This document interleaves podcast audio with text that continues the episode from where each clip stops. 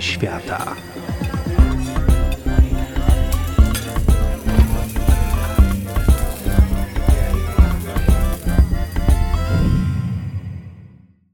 Dzień dobry. Dzisiaj pani Dynia, królowa Halloween, jesienna magiczna latarnia, znana na wszystkich kontynentach, zdrowa i śliczna. Ale zanim przepis, poznajcie pięć niezwykłych faktów o dyni.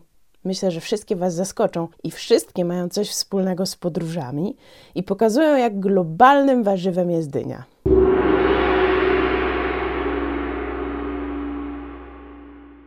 Ciekawostka pierwsza. Dynie o upiornych twarzach, oświetlone od środka świecami, to symbol Halloween. Pomysł robienia lampionów z dyni wywodzi się z Irlandii, gdzie wykorzystywano do tego duże rzepy i ziemniaki. Irlandcy migranci przywieźli tę tradycję do Ameryki, ojczyzny dyni. I tak latarnia dyniowa ze straszną mordką stała się integralną częścią obchodów Halloween w wielu miejscach na świecie.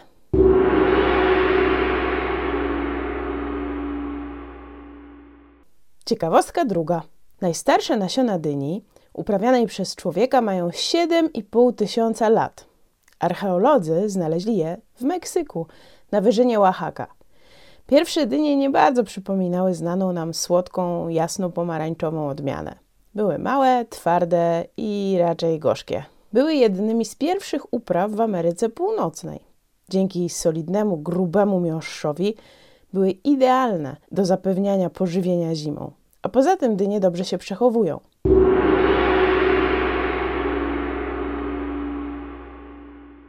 Ciekawostka trzecia.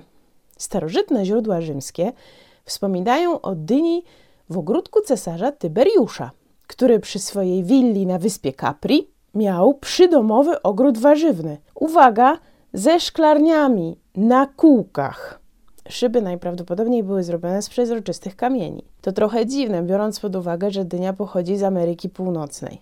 Albo jakimiś tajemniczymi kanałami dotarła jednak do Europy wcześniej niż pomyłkowe odkrycie Kolumba, albo jest to błąd w tłumaczeniu z łaciny i tak naprawdę chodzi o jakieś inne warzywo z rodziny dyniowatych, jak arbuz, melon albo ogórek.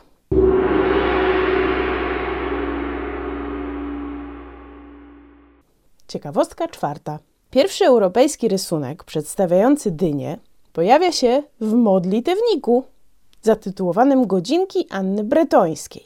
Książeczka z 1503 roku została zamówiona przez francuską królową i zawiera piękne miniatury, rysunki przedstawiające gałązki, żółte kwiaty i zielone owoce dyni, narysowane przez Jeana Bourdichona.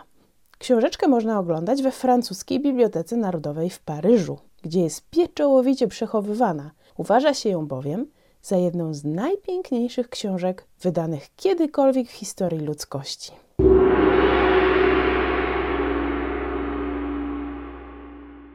Ciekawostka piąta. Pierwsze polskie przepisy z dynią w roli głównej także pochodzą z XVI wieku. Większość pierwszych wzmianek o jej zastosowaniu nie pochodzi jednak z książek kucharskich, ale z tekstów poświęconych ziołolecznictwu.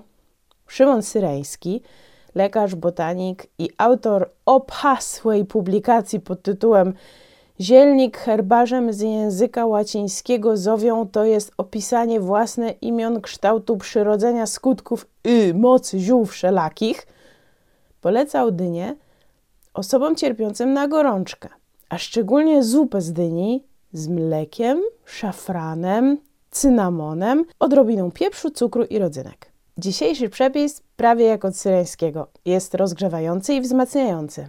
To dyniowe kary. Składniki znajdziecie oczywiście w opisie audycji, ale podam je teraz powolutku, żebyście mogły i mogli sobie zapisać.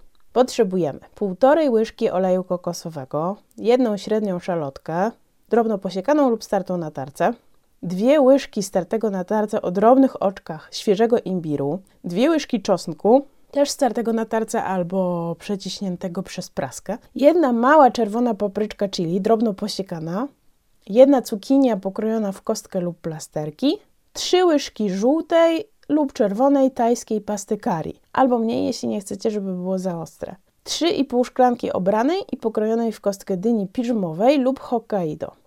dwie puszki mleka kokosowego, dwie łyżki syropu klonowego. Z tym syropem to zależy od waszego gustu. Musicie dodawać go stopniowo i sprawdzać, czy wam smakuje, czy już jest za słodkie. Jedna łyżeczka mielonej kurkumy, jedna szczypta soli morskiej, jedna łyżka sosu sojowego, jedna szklanka brokułów podzielonych na takie małe drzewka i dwie łyżki soku z cytryny oraz jakieś 3 czwarte szklanki prażonych orzechów nerkowca. Do podania świeża kolendra. Co robimy?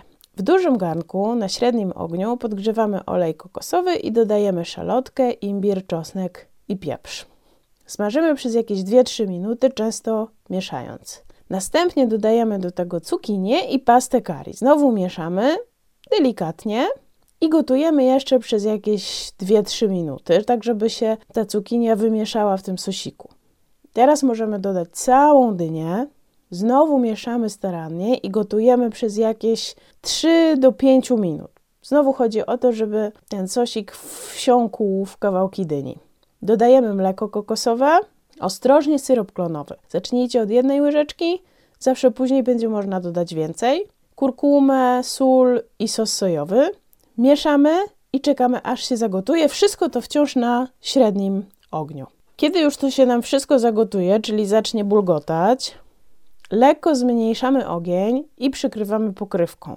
I potem na tym małym ogniu pozwalamy naszemu kary gotować się przez 15, nawet do 20 minut. Chodzi o to, żeby zmiękczyć dynię i nadać jej smak kary.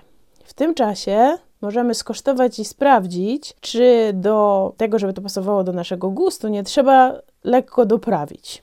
Mm, Osoby wolą czasem więcej soli albo więcej syropu klonowego. Jeśli ktoś chce bardziej intensywny smak kary, można dodać trochę więcej pasty. W tej potrawie nie ma co się wstydzić przypraw, to kary ma być bardzo aromatyczna. Gdy kary jest już dobrze doprawione, a dynia miękka, trzeba dodać brokuły, sok z cytryny i orzechy nerkowca. Znowu przykrywamy pokrywką i dajemy potrawie jakieś 4-5 minut na małym lub średnim ogniu.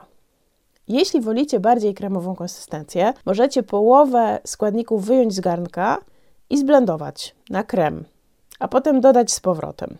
No i oczywiście podgrzać jeszcze kilka minut przed podaniem. A podajemy z ryżem albo komosą ryżową. Warto posypać świeżą kolendrą i można dodać odrobinę świeżego soku z cytryny tuż przed podaniem. Najlepiej jest świeże, prosto z garnka, chociaż można je też przechowywać w lodówce do 3-4 dni, a w zamrażarce wytrzyma nawet miesiąc. Smacznego! Niech żyje królowa dynia!